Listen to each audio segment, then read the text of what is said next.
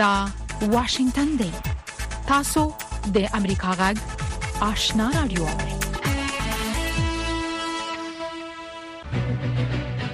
قدرمن اوریدونکو السلام علیکم زه شافیا سردار یم دا د امریکا غږ آشنا رادیو خبرونه پیل شوه لومړی به خبرونه واوري السلام علیکم درنو ریدونکو ستړي مشي زه زیبا خادم یم دا د امریکا غږ آشنا رادیو خبرونه ده د نړۍ د دې ساعت خبرونو ته ساسې پام را اړوم د ملګرو ملتونو د امنیت د شورا د مرستيال په شمول یو شمېر هیوادونو په افغانستان کې د داعش او نورو د شرګرو ډلو د فعالیت او سیمه او نړۍ ته د خطر په حق له خبرداري ورکړې ده د ملګرو ملتونو د امنیت د شورا مرستيال او د دهشتګرۍ سره د ملګرو ملتونو د مبارزې د برخې مشر ویلي دي په افغانستان کې د داعش د بیا راپورته کېدو خطر اوس هم شته دی ولادیمیر ورانکوف دا خبره د فبرवरी په 15مه نړیوال سولې او امنیت د دهشتګرۍ د ګواښ په نوم غونډه کې کړې ده ولادیمیر اورانکوف د ملګرو ملتونو د سرمنشي د اتلسم راپور په حق له د معلوماتو ورکولو په لړ کې ویلي دي راپورټونه خي سره د دې چې په افغانستان کې د داعش د ملګرو ډلو په ضد د غوسنیو واکمنانو هڅې اغیزناکې دي خو دا ډله لا هم د افغانستان نه بهر د حملو نیت لري د طالبانو حکومت لا د امنیت د شورا د دې بحث په حق لسه نه دی ویلي خو تر دې مخې د طالبانو نطاق ذبیح الله مجاهد تل دا خبره کړې ده چې د داعش ډله د افغانستان لپاره خطر نه دی خو د طالبانو د حکومت د ادعاو برعکس په دې غونډه کې د چین استاذي ژانګ جو ویل چې په افغانستان کې د داعش په ګډون د دهشتګرۍ ګواښ نه یوازې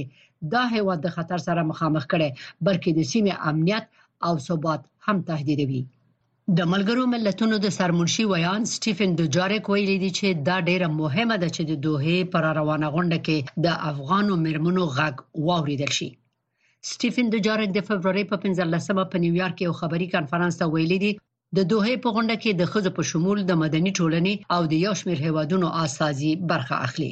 په پام کې ده چې د ملګرو ملتونو په کوربتوب د افغانستان په حق له دا غونډه د راتلونکو یک شنبه او دوشنبه په ورځو کې وشي دوجاریک ویلي دي چې د ملګرو ملتونو سرمنشي انټونیو ګوتيریش به د یکشنبه په ورځ د منشن د امنیتي کانفرنس نه وروسته دوه ته ولاړ شي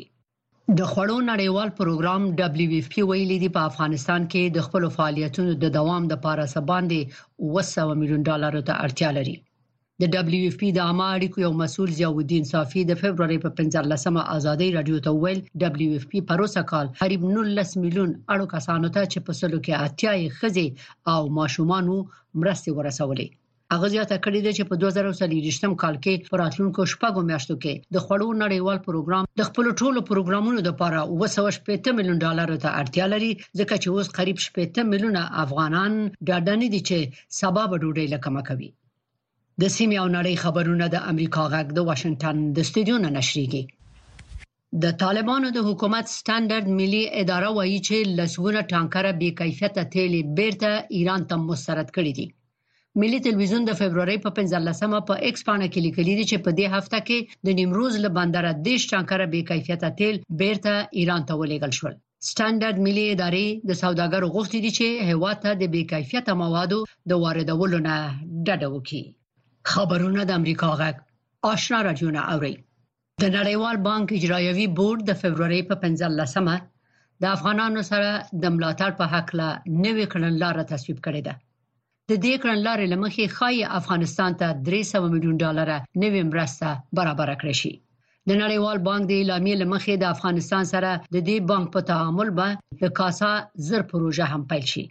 د 2021م کال د اگست په میاشت کې په افغانستان کې د طالبانو د بیا واکمنېدو وروسته په دې پروژې کار بند شوی دی د دې سیمه ییزې پروژې په مرسته د تاجکستان او قرغیزستان برېښنا افغانستان او پاکستان ته انتقالېږي نړیوال بانک ویلي دي چې دا 300 میلیون ډالر به د طالبانو د موقتی ادارې د کنټرول نه د باندې د ملګرو ملتونو د سازمانونو او نورو نړیوالو ادارو لارې ولګول شي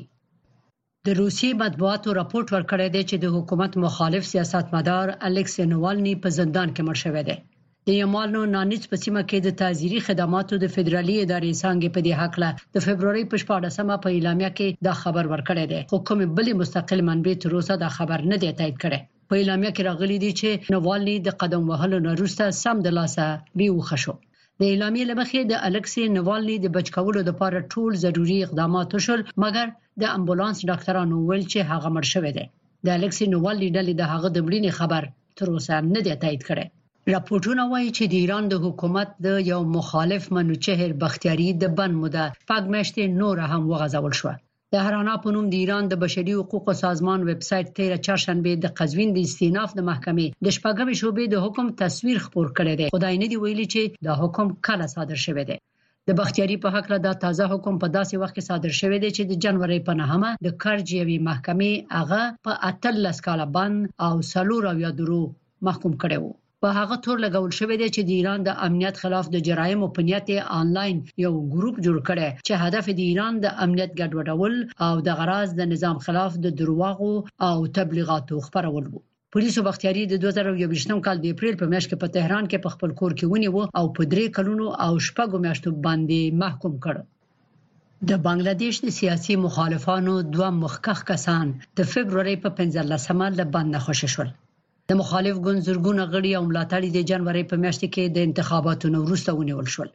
دې باندې شو کسانو کې د بنگلاديش د ملتپال ګوند منشي شپږاویا کلن مرزا فخر الاسلام عالمگیر او د سوداګرۍ پخوانی وزیر سلوراویا کلن امیر خسرو محمود چودري شامل وو د بنگلاديش د ملتپال ګوند ویاند د فرانسې د خبري اژانس سره په مرکه کې د دې کسانو د خوشی کېدو خبر تایید کړی دی معترضانو هغه وخت صدر اعظم شیخ حسینه د استعفا غوښتنه کوله د امریکا د عدلیې وزارت ویلي دی چې د روسیې د استخباراتو د هکرانو یو شبکه یې شنډه کړې ده د امریکا د لوی څارنوال مرستيال لیزا موناکو په یو بیانیه کې ویلي دي چې د کار د روسي د حکومت د ملاتړ برخمنو هکرانو مخه نیولې ده او هغوی ونه شو کړی چې انټرنیټي شبکو ته لار پیدا کړي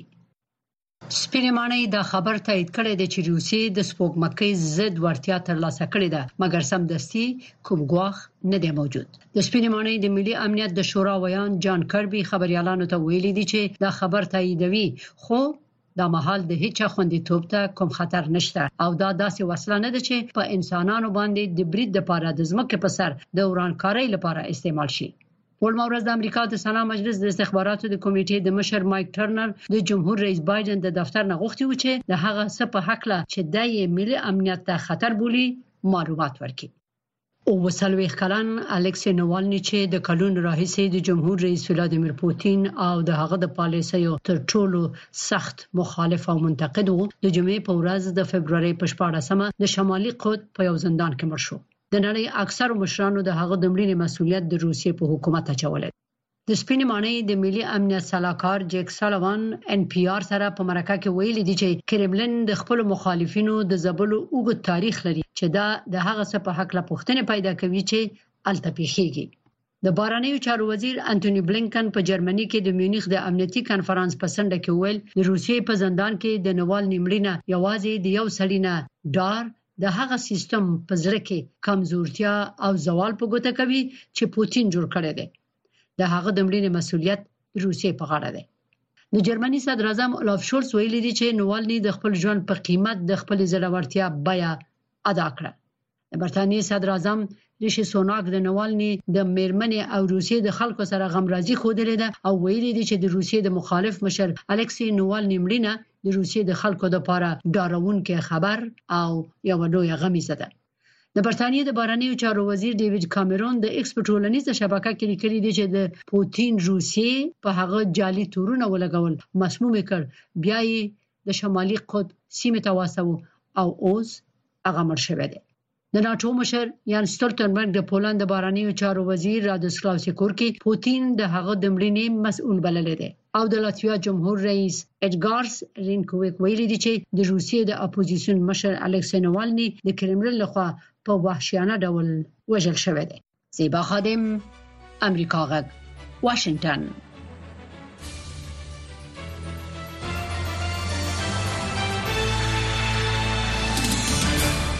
خبرونه مو د امریکا جغ آشنا رادیو څخه واوریدل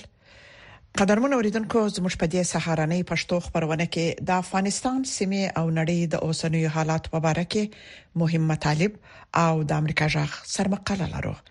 هله د خبرونه تر پای واوري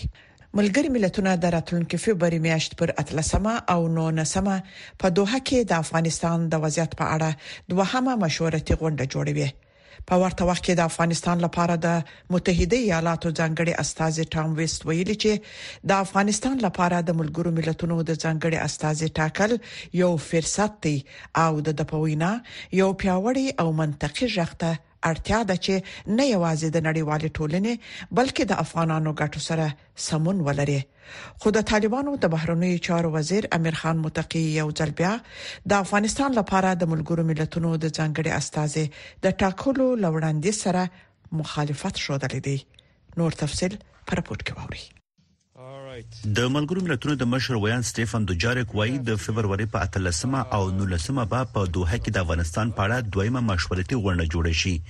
ټاکل شوې چې په دې غونډه کې د افغانستان د وضعیت په ځانګړي توګه د مرمنو د وضعیت په اړه بحث وشي د دې غونډې هدف په دې اړه بحث کول دي چې څنګه د افغانستان په اړه د خپلواک ارزونکو سپارښتنو ته د پاملرنې په ګډون په لا همغږۍ او رغنده ډول سره نړیواله بوختیا زیاتولی شو.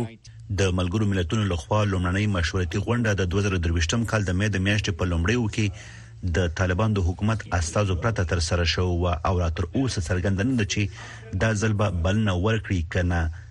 د تېرې غونډې هدف د طالبانو سره د تعامل په اړه د نړیوال ټولنې یو ګډ تفاهم ته لاسرسی ښودل شوی و. په دغه غونډه کې د بشري حقونو په ځانګړي ډول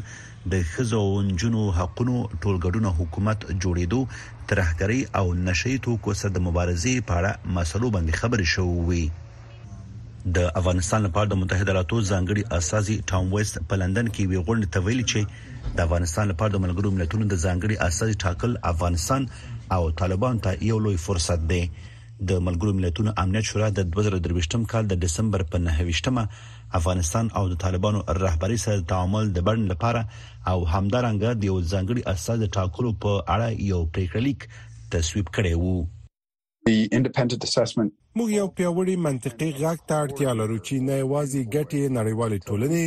بلکې د افغانانو ګټو سره سمون ولري موږ یو پیاوړي باصلاحیته کس ته اړتیا لرو چې نه یوازې په افغانستان کې کار وکړي بلکې مهمو هیوادونو سره کار او مشورې وکړي خو د طالبان د بهرنیو چارو وزیر امیر خان متقي په کابل کې د میشتو یو شمېر بهرنیو هیوادونو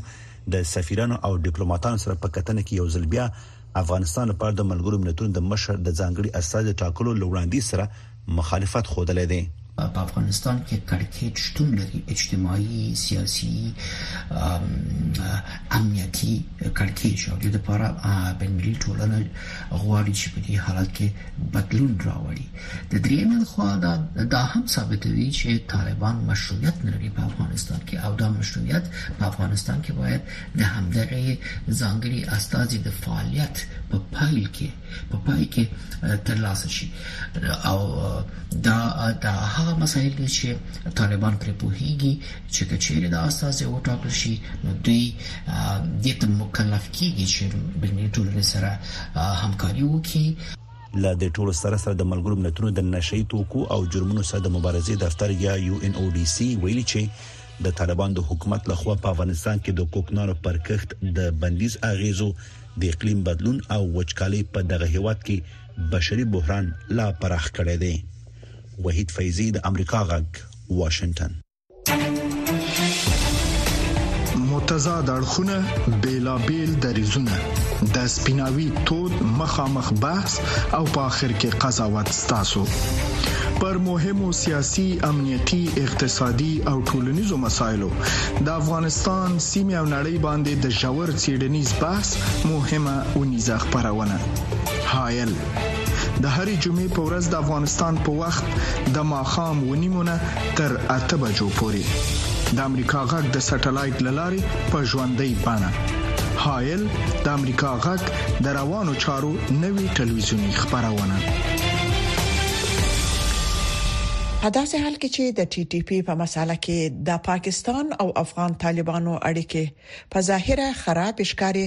خو د ترهګرۍ سره د مبارزې په برخه کې د ملګرو ملتونو لوړ پوړي سلاکار ایدموند فیټن براون د امریکا جغ سره په یو مرکه کې ویلي چې افغان طالبان به د ټي ټي پی او د القاعده ډلې سره خپل په خواني دوستي خراب نه کړي نوموړي د هغه نظر په اړوند چې د داعش پر ضد د طالبانو سره د ملګرتیا وړاندیز کوي وايي چې د تروریزم سره د مبارزې د شریکانو په توګه پر طالبانو باور کول به ډیره غلطه پالیسي وي. Pakistan historically has supported Afghan Taliban. پاکستان په تاریخي ډول د افغان طالبانو ملاتړ کړی دی چې ټي پي او افغان طالبان دواړه یو ایډیولوژي لري یو مشر لري او یو شان اهداف لري تاسو څه فکر کوئ چې پاکستان په خپل خاور کې ټي ټي پي ولې بيخي نه مني accepting TTP in their own territory while They were trying to get Taliban in power in Afghanistan. Yes, I mean that's it's a very good دا یو ډیره ښه پوښتنه ده او زه فکر کوم چې د ټي ټي پی افغان طالبان او د پاکستان د حکومت پیچلې مثلث موجود دی د افغان طالبان او پاکستان ترمنځ قوي اړیکې شته او پاکستان یقینا د افغان طالبان په پیاوړتیا او په کابل کې وخت د ستنېدو په برخه کې د هغوی سره مرسته کړې و او بیا په خار ډول د ټي ټي پی او اسلام آباد ترمنځ هیڅ ډول اړیکه ممکن نه ده ځکه چې دا خورا خونړۍ او مخالف اړیکه ده مګر البته افغان طالبان د سولې خبرو اترو هڅولو هڅه کړې ده ستونزه دا ده چې د ټي ټي پي اهداف په بشپړ ډول په اسلام آباد کې د هر ډول قانون اطاعت یا معتدل حکومت سره په ټکر کې دي او بیا د مثلث دریمه برخه د افغان طالبان او ټي ټي پي اړیکه ده کوم چې په ایډیولوژیک ډول یو دی دا یو شان لاملونه لري او یو ډول اهداف لري او زما په اند دا هغه ټکی دی چې افغان طالبان به خپل په خوانی دوستۍ نه پرېږدي که هغه له ټي ټي پي سره وي که له القاعدې سره وي يا د ازبکستان له اسلامي تحريک سره وي دوی دغو خلکو ته د پخوانيو ملګرو په څېر د وياړلو مېلمنو په توګه ارزښت ورکوي او کله چې ګاونډيان ووايي که تاسو له موږ سره اړيکې جوړول غواړئ نو تاسو باید دا خلک وځپئ یا یې بندیان کړئ او یا حتی دوی ته یې وسپارئ افغان طالبان له دې سره موافق نه دي البته دا په روښانه توګه لیدل کیږي چې دا به د افغان طالبانو لپاره ښه وي چې د نړیوال درناوي او د خپل ګاونډیانو سره د رغند اړیکو د جوړولو لپاره لار هوار کړي مګر دوی یو څه د ایدئولوژیکي دلایل او یو څه د خپل عادت نه مجبور دي دوی د خپل مقاومت او د بغاوت د عادت لکبله د یو مسول حکومت په توګه چلند نه کوي په تیر څو کلونو کې داعش په پاکستان کې هم بریدونه تر سره کړي دي خو پاکستان د ټي ټي پي په اړه زیاته اندېښنه ښيي د دې علت څه دی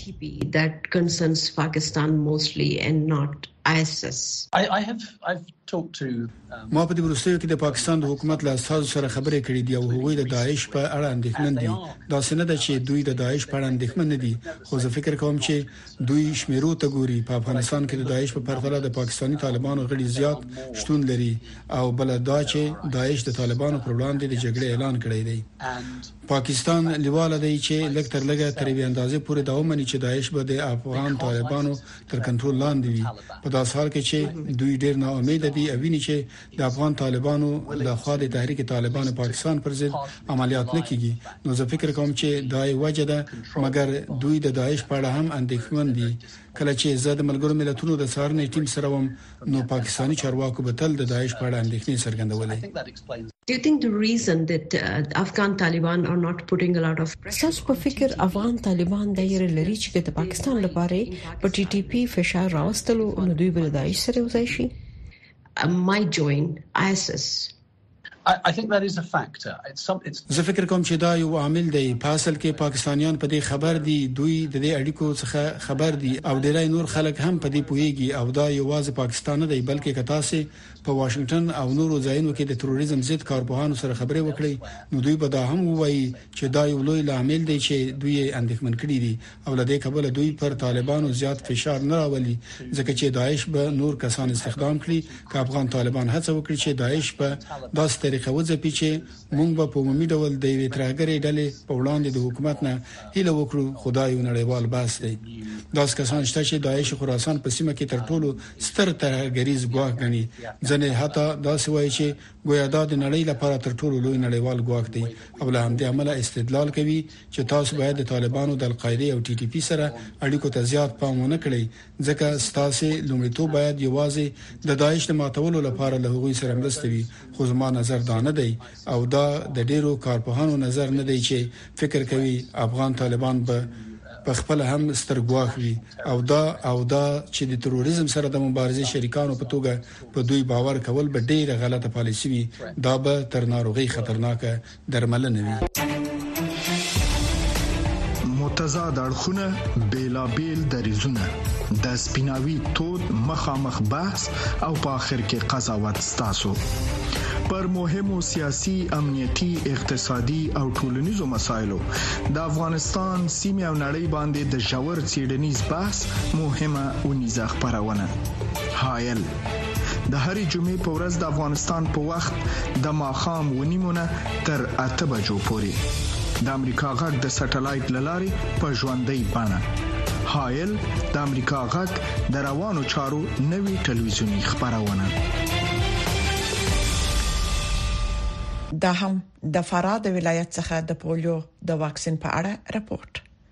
په فراه کې د پولیو ضد واکسین د تطبیق په کمپاینونو کې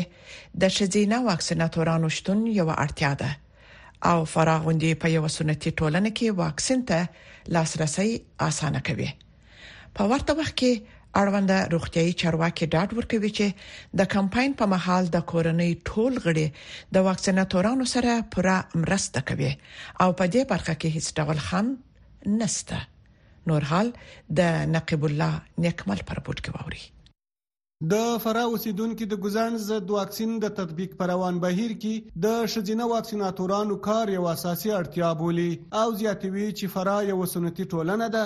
او د نارینه واکسیناتورانو په پرتله شذینه واکسیناتورانې په اسانۍ کولای شي چې د کورونو ټول ماشومان پر وخت واکسین کړي د فراه یوې اوسېدونکي ثنا نورزۍ چې د دوو وړو ماشومانو مور ده، امریکا غږ ته وویل، د هر ځل کمپاین په مهال د ښځینه واکسیناتورانو په مرسته له هر ډول خنډ او ستونزې پرته خپل ماشومان واکسین ته چمتو کوي. زه دوه ماشومان لرم چې تر پنځو کالي عمر کښته دی او زما خاوند د مزدورۍ لپاره ایران ته تللی دی او زه خپل ماشومان د واکسین لپاره اماده کوم. کله چې ښځې د واکسین لپاره کور ته راشي، نو زه په راحتۍ خپل ماشومان واکسینوم. زما خواهش دا دی چې ښځې په واکسین کې زیاتې شي. په ورته مهال د فراه یو بل اوسېدونکی دېرش کلن عبدالشکور حیدري وايي، د ښځینه واکسیناتورانو کار ځکه زیات اغېز لري چې په کورونو کې که نارینه وي او که نوي، دوی په اسانه کولای شي ماشومان واکسین کړي. د حیدري په وینا، کره ورځ د بچیانو د نفقې د ګټنې په موخه د کار روزګار په لټه کې وي او ډېر لږ داسې وخت برابرېږي چې په کور کې د ماشومانو ترڅنګ وي. ولا رشتیا خبره دا ده چی زه ټوله ورځ له کور بار کار کوم او کوشش کوم چی خپل اولادونو ته یوه ګوله ډوډی پیدا کړم نو بیخی کم په کور کی یم چی د ماشومانو واکسین ته رسیدګی وکړم که چیری د کوچنیانو د واکسین لپاره ښځی راشی نو زما زړه بیخی جمع کیږی او زما میرمن په اسانی کولای شی ماشومان واکسین. بل پلو روغتیايي چارواکي د ګوزڼ ضد واکسین د بشپړ تطبیق ډاډ ورکوي او وايي چې له هر ډول خنډ پرته کورنۍ له واکسیناتورانو سره د پام وړ مرسته کوي. د فراه د عامې روغتیا رئیس مولوي احسان الله شاکر وايي، داسې لامل نشته چې له امله یې ماشومان له واکسین څخه محروم پاتې شي. د ښځینه واکسیناتورانو په رابطه چې دوی په کمپاین کې څومره رول لري باید وایو چې زموږ تاسو ټول هدف خدا دی چې وطنوالو ته واکسین په صحیح طریقه ورسیږي واکسین په ښه ډول جریان لري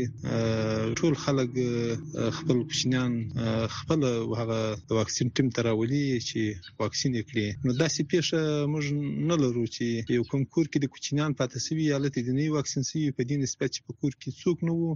هغه سي پیښه نشته له فرا پرته په نور ولایتونو کې هم ډېری وخت خلک ورته غوښتنه لري چې د شجینه واکسیناتورانو رول موثر دی او هغه ځکه چې دوی کولای شي کورونو ته هم ورشي او ماشومان واکسین کړي چې په دې ډول سره هیڅ ماشوم له واکسین څخه محروم نه پاتې کیږي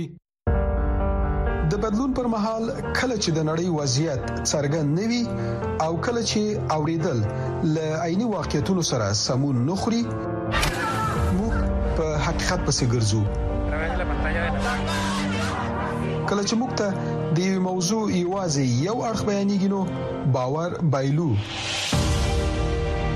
د ناورین پر مهال د یوې ښې راتلونکې لپاره زموږ خوبونه تم یو هلي پر آزادو مطبوعاتو تکیه وي د امریکا غږ پر چپو موږ هغه خبرونه خبرو چې خلک د لیدلو لپاره غواخونه مني موږ نړۍ سره وسلو او د حقیقت په ویلو یو موټی کوو د امریکا غږ لاري موږ بشپړ انزور درکو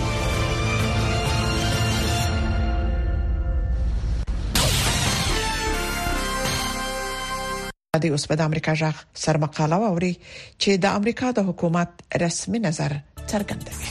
له 2021 میلادي کال راهیسې 1500 امریکایي ارغمل آزاد شوي دي چې له دې جملې نه ایوازې 13 دسمبر شپږ تنه امریکایان چې په غیر حق په وینزویلا کې نیول شو لبن آزاد او خپل وطن ته مو راوستل دا اعلان د متحده ایالاتو د بهرنیو چارو وزیر انټوني بلینکن د واشنګټن د ویډرو ویلسن په مرکز کې د یرغمل نیولو ډیپلوماسۍ په اړه په خپلې یوې وینا کې وکړه بلینکن زیاته کړه چې په دې لیست کې لا تر اوسه هم ډېر خلک شتون لري چې په دې جمله کې پال ویلان او ایوان ګیرشکوویچ چې دواړه په ناحقه توګه په روسیه کې قید دي شامل دي. بلېنکن وویل چې متحده ایالات له غزې نه هم د باقي پاتې یرغملو د راوستلو په خاطر کوشش کوي. نوموړي وویل، دا چې محض کورنۍ یې د خپلو عزیزانو له سرنوشت نه بې خبره دي، د هغوی درد او کړاو له تصورونو بهر دی. بلېنکن دې خبرې ته هم اشاره وکړله چې له بده مرغه دا عمل د یوه زیاتېدونکي رجحان برخه ګرځېدلې چې زیاتره یې دولتونه او همداراز غیر دولتي اکټوران کوي.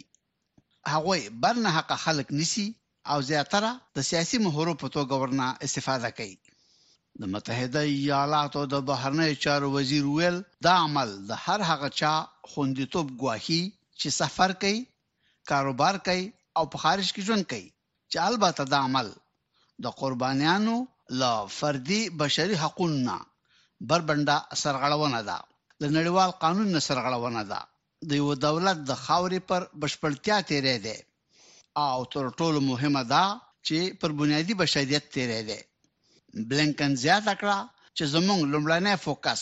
خپلو کورونو ته د نیول شوو کسانو په ورستنولو دی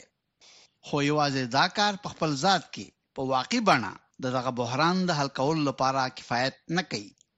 بلېنکن وویل چې نړیوالې ټولنې په راتلونکي وخت کې د یرغملو د نیولو د مخنیوي په خاطر لاس یو کړی ترڅو وکولی شو چې د تل لپاره د دې عمل لاره ډب کړو. او تر ټولو موثره لاره یې دا ده چې ډله ییز اقدام وکړو او همدا روحیه په بین الدولتي اړیکو کې توقیف د اعلامیې تر شا موجود وه چې اوس مهال د اروپايي یووالي په ګډون څلور او یو هېوادونو لاسلیک کړې او ویاړو چې موږ هم د دوه زره یوویشت میلادي په جنورۍ کې لاسلیک کړه انټوني بلینکن وویل چې دا ایتلاف د قصدي او ارادي توقیف د عاملینو د مالي تاوان او شهرت د بیع د لوړېدو سبب کېږي او د هغوی پر ضد نړیوال فشار پیاوړی کوي. بلېنکن وویل، موږ دا څرګند پیغام استوو چې زموږ اتباع د چنې وهلو په منظور انساني چیپونه نه دي دوی د سیاسي شطرنج مهرې هم نه دي او که هر کوم هېواد بر ناحقه زموږ هر وګړی ونیسي، موږ به ورسره حتماً حساب او کتاب کوو. بلېنکن زیاته کړه، خپلو کورونو ته د یرغملو د راوستلو او په راتلونکي وخت کې د دې ډول توقیفونو د مخنیوي لپاره تر ټولو پیاوړی زموږ ډلهییز عزم او زموږ یوځایي اقدام دی چې ریښې زموږ په ګډ بشریت کې رانغښتي دي. د متحده ایالاتو د بهرنیو چارو وزیر وویل، تر څو چې ټول یرغمل له خپلو کورنیو سره یو ځای شوي نه وي او تر هغې پورې چې دا کار د تل لپاره بند شوی نه وي، موږ به ارام ونه کړو. تاسو د امریکا غږ سره مقاله واوریده چې د امریکا د حکومت رسمي نظریه څرګنده کړه.